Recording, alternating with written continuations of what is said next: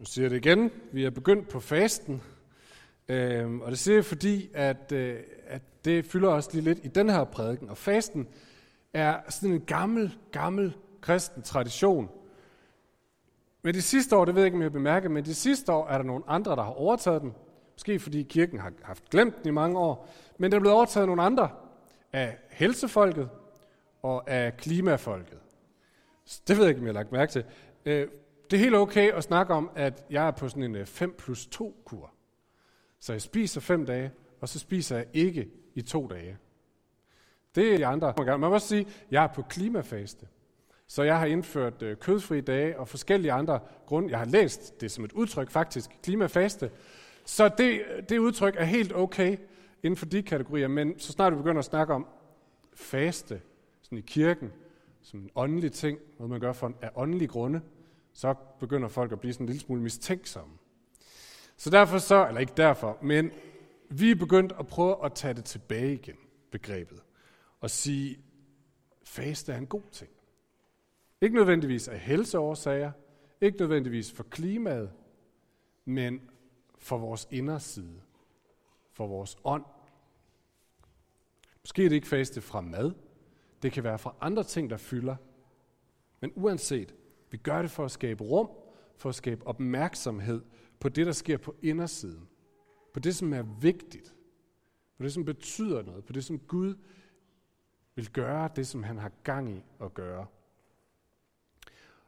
Og jeg for mig selv oplever, at det bliver mere og mere, det opleves mere og mere aktuelt, det her med at faste. Fordi vi er en del af en kultur og et samfund, hvor der bliver mere og mere fokus på vækst og på overflod. Og fasten er sådan en tid til at sige stop. Ikke højt til alle andre, men til mig selv. Sige stop, nu er nok nok. Nu vil, jeg have været, nu vil jeg have tid til at være ærlig med mig selv, med Gud, og se mig selv i øjnene, og se Gud i øjnene. Der er brug for at sige stop, tage en pause på en eller anden måde. Og fasten ligger, som jeg også sagde før, her i tiden op til påske. Fordi det er sådan en tid til at forberede os til påske. Til påskens budskab om en Gud, som giver afkald på alt. Som faster fra det hele, så at sige. Og bliver menneske. Og dør for verdens synd. For min skyld. Og der er bare noget i det budskab, i påskens budskab, som jeg simpelthen ikke tror, vi i vores øh, overflødssamfund rigtig fatter hvis ikke vi har set os selv ærligt i øjnene i påsketiden. Hvis kan vi har set os selv ærligt i øjnene, og ligesom vi startede med at bede i den her syndsbekendelsesbøn, set, at verdens synd, verdens ondskab, verdens uretfærdighed, verdens mørke også gror på indersiden af mig. Jeg medvirker til det. Når vi er ærlige og ser det, så begynder vi at kunne få fat i, hvad er det så påsken betyder, hvad er det Gud vil med os. Og de tekster, som vi læser her i de her gudstjenester, det er alle sammen tekster, som vil lede os ind i den der sådan, erkendelse, og som vil prikke til os, som forstyrrer, som vil rokke lidt med båden, og sige, hey, sover du? Og i dag skal vi også læse sådan en tekst. Og jeg tror, det, som jeg blev ramt af, da jeg læste, det, det den gerne forstyrrer ved os, det er vores selvbillede. Det er, hvem vi ser på os selv som. Og det kan godt være, at du er her og ikke lige helt ved, hvad du tænker om alt det her med Gud og, øh, og Jesus, og så kan sådan noget fastesnak godt være ret sådan massivt. Jeg håber, du kan være i det, jeg håber, du alligevel vil lade spørgsmål og teksterne sådan bare lige komme med ind på indersiden, og sådan prik til dig. Sig, ved de mig noget? Er der noget i det her? Okay. Og hvis man sidder og bliver træt, så kan man altid hente en kop kaffe. Vi skal starte med at læse den her tekst. Den er fra Lukas evangeliet, og den kommer op på tavlen nu. De, og det er disciplene, Jesu disciple, kom også i strid om, hvem af dem, der skulle regnes for den største. De sagde til, der sagde han til dem, folkenes konger hersker over dem, og de, som udøver magt over dem, lader sig kalde velgørere. Sådan skal I ikke være. Men den ældste blandt jer skal være som den yngste, og lederen som den, der tjener. For hvem er størst? Den, der sidder til bords, eller den, der tjener? Er det ikke den, der sidder til bords? Men jeg er iblandt jer som den, der tjener. Jeg er det, som er blevet hos mig under mine prøvelser, og ligesom min far har overdraget mig riget, overdrager jeg det til jer. for at I skal spise og drikke ved mit bord i mit rige, og I skal sidde på troner og dømme Israels 12 stammer. Simon, Simon, Satan gjorde krav på jer, for at sigte jer som hvede. Men jeg bad for dig, for at din tro ikke skal svigte. Og når du engang vender om, så styrk dine brødre. Simon Peter sagde til ham, Herre, sammen med dig går jeg gerne både i fængsel og i døden. Men han svarede, jeg siger dig, Peter, hanen når ikke at gale i nat, før du tre gange har nægtet, at du kender mig. Så sagde han til dem, dengang jeg udsendte jer uden punkt og taske og sko, manglede I da noget? Nej, ingenting, svarede de. Der sagde han til dem, men nu skal den, der har en punkt, tage den med, og lige så tasken, og den, der ikke har et svær, skal sælge sin kappe og købe sig et. For jeg siger jer, på mig skal det skriftord opfyldes. Og han blev regnet blandt lovbrydere. Og nu er jeg ved målet for det, der skal ske mig. Der sagde de, herre se, her er to svær. Han svarede, det er nok. Egentlig var det kun de første to afsnit, som vi læste her, som er en del af den her prædikenlæsning til i dag. Men jeg tog det tredje med, fordi det understreger den pointe, jeg lige faldt over. Nemlig pointen om, at den her tekst gerne vil forstyrre os på vores selvbillede. Og for at forsimple, altså meget forsimple, det her selvbillede noget lidt, så kan man dele det lidt i groft i to kategorier. Enten kan man tænke om sig selv, at man er the man with the power for the hour. Den, der kan absolut det, der er brug for, når der er brug for det. Jeg læste en, en artikel i, øh, var det på DR den anden dag, om den dansker, som lige som den første har gennemført en Ironman på Arktis. Og han havde simpelthen som livsindstilling, begrænsninger er en illusion. Hvis du vil noget, så kan du det. Det er the man with the power for the hour, må man sige. Og så er der den anden grøft, hvor man kan tænke, jeg har aldrig nogensinde det, der skal til. Jeg, jeg, jeg kan ikke levere noget som helst. Jeg duer ikke til noget. Det er de to grove kategorier af selvbillede, og så er der alle mulige ting midt imellem. Disciplene befinder sig her, som vi, som vi kommer til at se, over i den kategori tæt på the man with the power for the hour. Og det vil Jesus gerne snakke med dem om. I virkeligheden så burde jeg også have taget det afsnit, der gik forud for det her med, for rigtigt at få det hele med. Men så kunne vi blive ved, og det vil aldrig stoppe. Så i stedet for, så vil jeg bare lige prøve at genfortælle noget af det, og ligesom sætte scenen for, hvad er det, der foregår her. Jesus han har samlet disciplene. Det er ret kort tid før, han skal korsfæstes. Og han ved godt, at det er ved at ende på den måde, som han siger. Så man kan forestille sig, at han er ved at gøre klar til sådan at afslutte den her tid med sit team. De har haft tre år sammen, og han har, de har fulgt ham trofast, og nu skal de til at fortsætte det her, den her gerning, uden at han er fysisk til stede. Så han er i gang med ligesom at afslutte det, og sådan gør det, gør det sådan rigtig tydeligt og klart, hvad det er for noget. Og så lige inden det, som vi læste nu, så fortæller Lukas, at Jesus han har indstiftet nadvaren. Og nadveren er sådan en art symbolhandling, hvor Jesus tager forskud på sin egen død og sin egen opstandelse, og så siger han, jeg ved godt, I ikke kommer til at formå at leve et perfekt liv. Så derfor så får I del i mit liv, i min død og min opstandelse, selvom det kommer til at koste mig livet. Det er indholdet af nadveren. Evangelisten Johannes, som også var til stede, fortæller, at det var også ved den her lejlighed, lige inden, at Jesus han har taget et viskestykke eller et håndklæde over armen og gået rundt og vasket alle disciplenes beskidte fødder. Taget en usel slaves øh, arbejde for på den måde at hedre dem ved at ydmyge sig selv. Så han har virkelig både i ord og i meget stærke handlinger vist dem, disciplene, Guds kærlighedsvæsen, at det er en kærlighed, der kommer for at give. Det er en kærlighed, der kommer for at tjene. Det er en kærlighed, der kommer for at ofre sig for andre. Og det er det, det er den kærlighed, som kan forvandle verden. Og så går der bare et øjeblik. Og så kommer den tekst, vi læste i dag, som begynder med, at disciplene de sidder og diskuterer, hvem af dem, der egentlig er mest betydningsfuld. Ej, det må være mig. Tænk på den situation. Det må være mig, der får den højeste stilling, når Jesus overtager regeringsmagten. Ej, det må være mig, der fortjener mest hæder og ære. Hvis man sådan lige tænker på, hvor trofast jeg har været. Og selv når man læser teksten, så får man sådan lige lyst til at, at, at bryde ind og sige, gutter, gutter, gutter, gutter, hvad er det, jeg er gang i? Har I slet ikke fattet? Jesus han sidder her og snakker om at ofre sig. Han sidder og snakker om at give sig selv for andres skyld og ydmyge sig, for at andre kan vokse. Det er som om de overhovedet ikke fanger det. Og det eneste, de er optaget af, det er sig selv, deres egen karrieremuligheder, deres eget øh, potentiale her, når Jesus han måske ikke er her. Men det næste, der sker, som vi læste, er, at Jesus han begynder at tale med Peter, lederen af gruppen, om det, som skal komme til at ske nu. Og han siger, at det kommer til at udfordre dig, Peter. Også mere, end du selv kan bære. Men jeg vil bede for dig, Peter. Og Peter han springer op af stolen. Nej, nej, nej, Jesus. Nej, nej, nej, Jesus. Jeg kommer til at følge dig. Også om det så skulle koste mig mit liv. For jeg er den type, man kan stole på. Jeg er the man with the power for the hour, hvis det er det, vi skal snakke om. Bare roligt. Mig kan du stole på. Og igen, vi der kender historien, ved, at der går ganske få timer, så står Peter uden for ypperste præstens gård, hvor han lige har stået inde i gården og bandet på, at han aldrig nogensinde havde mødt Jesus, mens Jesus står foran en hånende flok, fuldstændig ydmyget. Og man tænker, Peter, Peter, Peter, Peter slap af. Krav lige ned af den hest. Lad være med at udstille dig selv. Det bliver pinligt, det her, Peter. Og så går Jesus videre og snakker med hele flokken om øh, den tid, der kommer nu, at de kommer til at blive udfordret.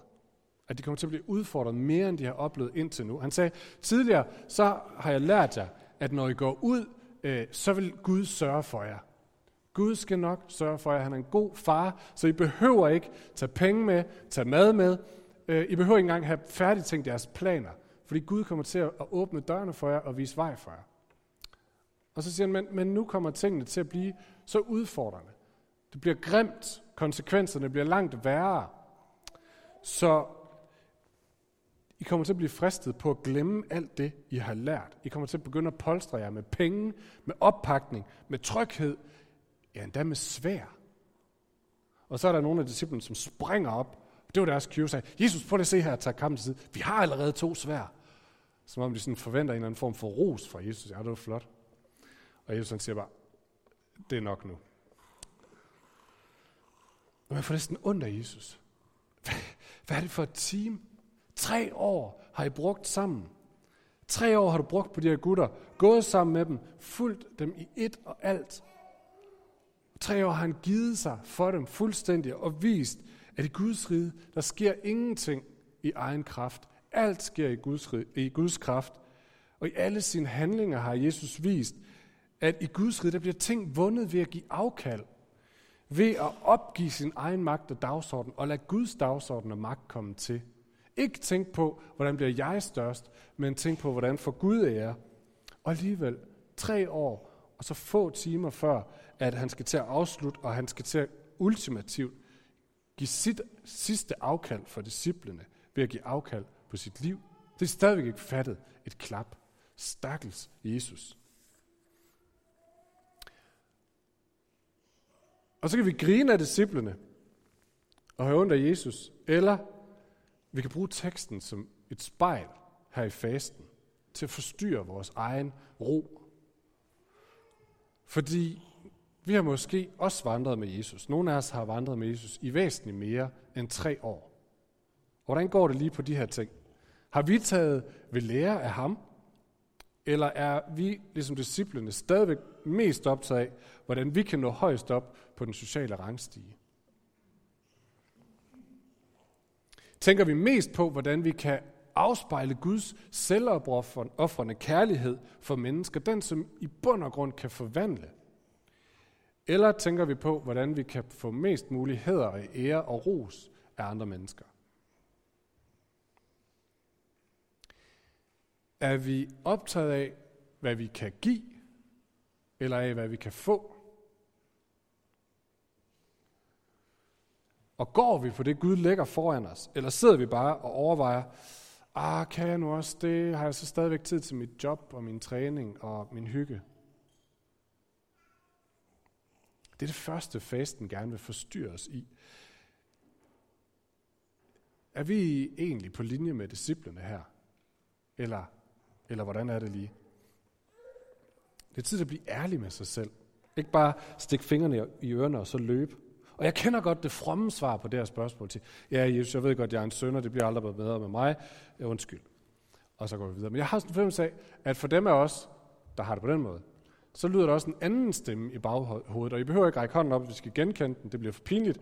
Men jeg tror, at nogen af os har en stemme, som samtidig lyder, der siger, men det er jo ikke så slemt med mig. Altså, jeg kan da finde mange andre, der er meget værre. Det går egentlig okay. Jeg er da en okay far. Jeg får da bedt et aftenbøn med mine børn, og jeg er da også frivillig leder i kirken, og jeg giver for så vidt også en del penge i kirken, så er det også okay, der er noget til mig selv herover jo. Altså, nu har Gud ligesom fået sin del, så, så må der også øh, må der være resten, der er mit. Det er vel okay. Og nu er det faste tid. Så det er tid til at forfølge den her slags kompromiser øh, til enden. Og når det angår kompromiser, så er Jesus typisk sådan rimelig klar. Så han siger for eksempel, den der ikke er villig til at tage sit kors op og følge mig, er mig ikke værdig. Og det efterlader ikke ret meget tid til kompromis, eller rum til kompromis. Det er som om man siger, du kan ikke både bygge dit eget rige og mit rige. Du kan ikke både tjene Gud og mammon, som man siger et andet sted. Det ene vil altid komme foran det andet. Dit kald er at søge mit rige, så vil jeg sørge for, at alt det andet bliver givet dig i tilgift. Så fasten er en tid til at gøre op med halvhjertethed og kompromiser, og så sige, er jeg helt perfekt i Guds øjne? Sådan, eller er jeg helt perfekt som menneske på alle parametre? Eller er jeg egentlig en kompromisfyldt halvhjertet fyr? Få afsløret kompromiserne, få dem ud i lyset. Det er fastens. Det er fastetidens øh, opgave, kan man sige. Så det er den første udfordring. Tilbage til, til beretningen. Læg mærke til Jesu reaktion her. Man kunne have forventet sådan en vis frustration, at han havde slået næven i bordet og sagt, ej gutter, seriøst, har I, har I ikke fattet det? Man, en eller anden frustration eller desperation måske lige frem. Men det gør han ikke. Det er ikke det, vi ser. Allerhøjst sådan en lille smule mættethed i hans sidste kommentar, hvor han siger, ah, det er nok. Og så går han videre. Det virker næsten, som om han ikke engang bliver rigtig overrasket over deres tungnemhed. Som om man havde ventet, at det er nok cirka der, vi er efter sådan tre år. Måske kan man da forestille sig, at han har taget det, deres, deres opførsel som sådan en slags sidste bekræftelse på, at det, som skulle til at ske om lidt, det med, at han skulle lide og dø, at det var blevet bekræftet med det her. Fordi man kan sige, hvis disciplene virkelig havde fattet det, hvis disciplene var totalt på sporet, øh, så havde alt det her med korset ikke været nødvendigt. Så han kunne give dem en high five og sige, venner, godt gået, I tager over fra nu af, nu er I the man with the power, bare kør, så tager jeg tilbage til min far i himlen. Og så havde det været nok. Men det er som om det her med, at disciplene stadigvæk ikke rigtig har grebet det, eller fattet det, efter tre år understreger for Jesus, at det, disciplene har brug for, er ikke bare nogle nye råd. Nej, de har brug for et nyt liv. De har brug for, at der er en, som kan rumme at de ikke formår at give sig hele hjertet. En, som kan tage konsekvenserne af, at de ikke giver sig hele hjertet, på trods af deres bedste intentioner. At de stadigvæk bare tænker på at blive konge i deres eget liv. Jeg ved ikke, om I lagde mærke til det før, da vi døbte Anton og Caleb herovre. Så det første tegn, der ligesom er i dåben, det er, at vi tegner korset på deres pande og på deres bryst, og siger, modtag det hellige kors tegn, både for dit ansigt og for dit bryst, til et vidnesbyrd om, at du skal tilhøre den korsfæstede Herre, Jesus Kristus. Og tit må man jo sige, den korsfæstede og opstandende Herre, fordi det er en rimelig væsentlig del, at han ikke bare er død, men han også er stået op. Men der, i begyndelsen af selve dåbshandlingen, så siger vi kun den korsfæstede. Og det er der en pointe i, for det er for at understrege, at der er noget i mennesket, som må dø.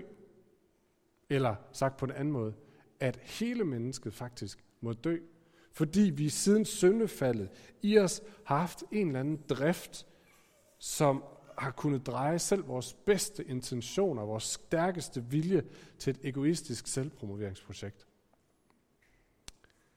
Og det kommer ikke til at ændre sig grundlæggende på den her side af evigheden derfor disciplene kan sidde efter tre år intenst sammen med Jesus og stadigvæk være optaget af sig selv. Så derfor bliver Jesus ikke overrasket over deres reaktion. Fordi han kender mennesket. Han kender vores skrøbeligheder, han kender vores tilbøjeligheder. Og derfor så sender han dem ikke bare afsted med en high five og siger, jeg håber det går. I stedet for så går han foran, giver dem sit læme og blod, går alene ud i mørket og bliver slået ihjel for menneskers skyld. Og så fordi de har fået det her lille korstegn i panden, fordi de har spist hans læme og blod, fordi de er blevet mærket med korsets tegn, så er de også gået igennem døden med ham og fordelt i hans opstandelse.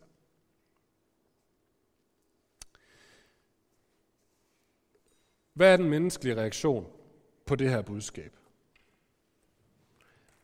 En af dem viser Peter. Han sparker fra sig helt vildt.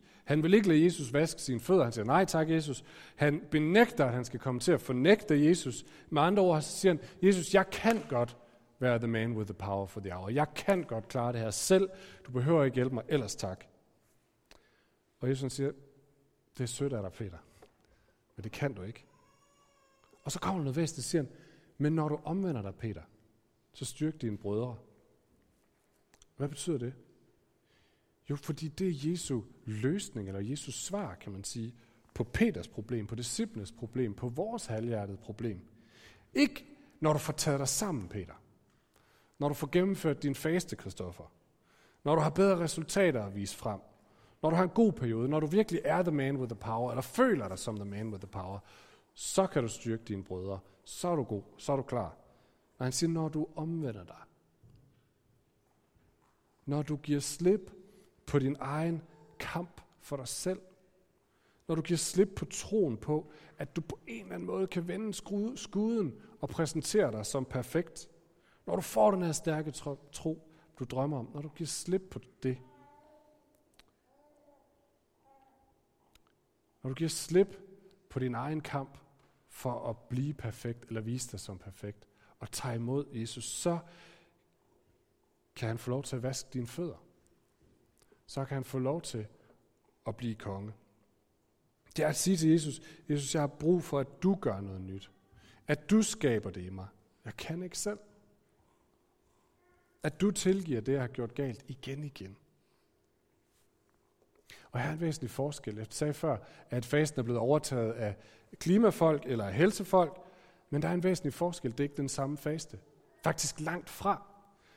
Fordi hvor fasten mange andre steder er sådan et selvforbedringssted, så er kristen faste et selvopgivelsens sted. Der er en sociolog, Eva Stensi hedder hun. Hun har sagt sådan her, jeg fik Simon til at putte det på en slide.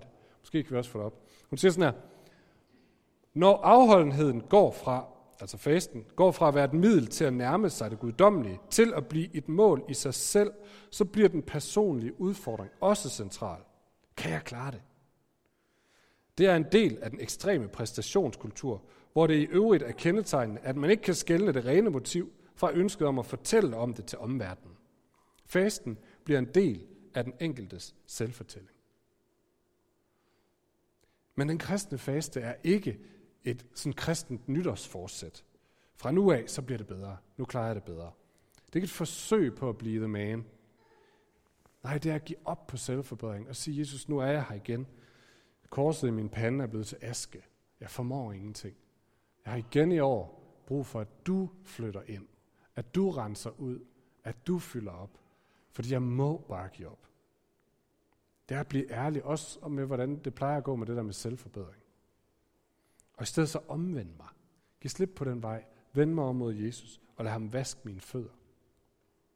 Det var det, Peter ikke ville, men få timer efter, han stod derude foran ypperstepræstens gård og græd og skammede sig langt ned i jorden. Jeg tror, jeg han forstod, hvad det var, han, hvad det var, han, hvad det var Jesus ville. Jesus, kom og vask mine fødder, for nu fatter jeg, hvor meget jeg har brug for det.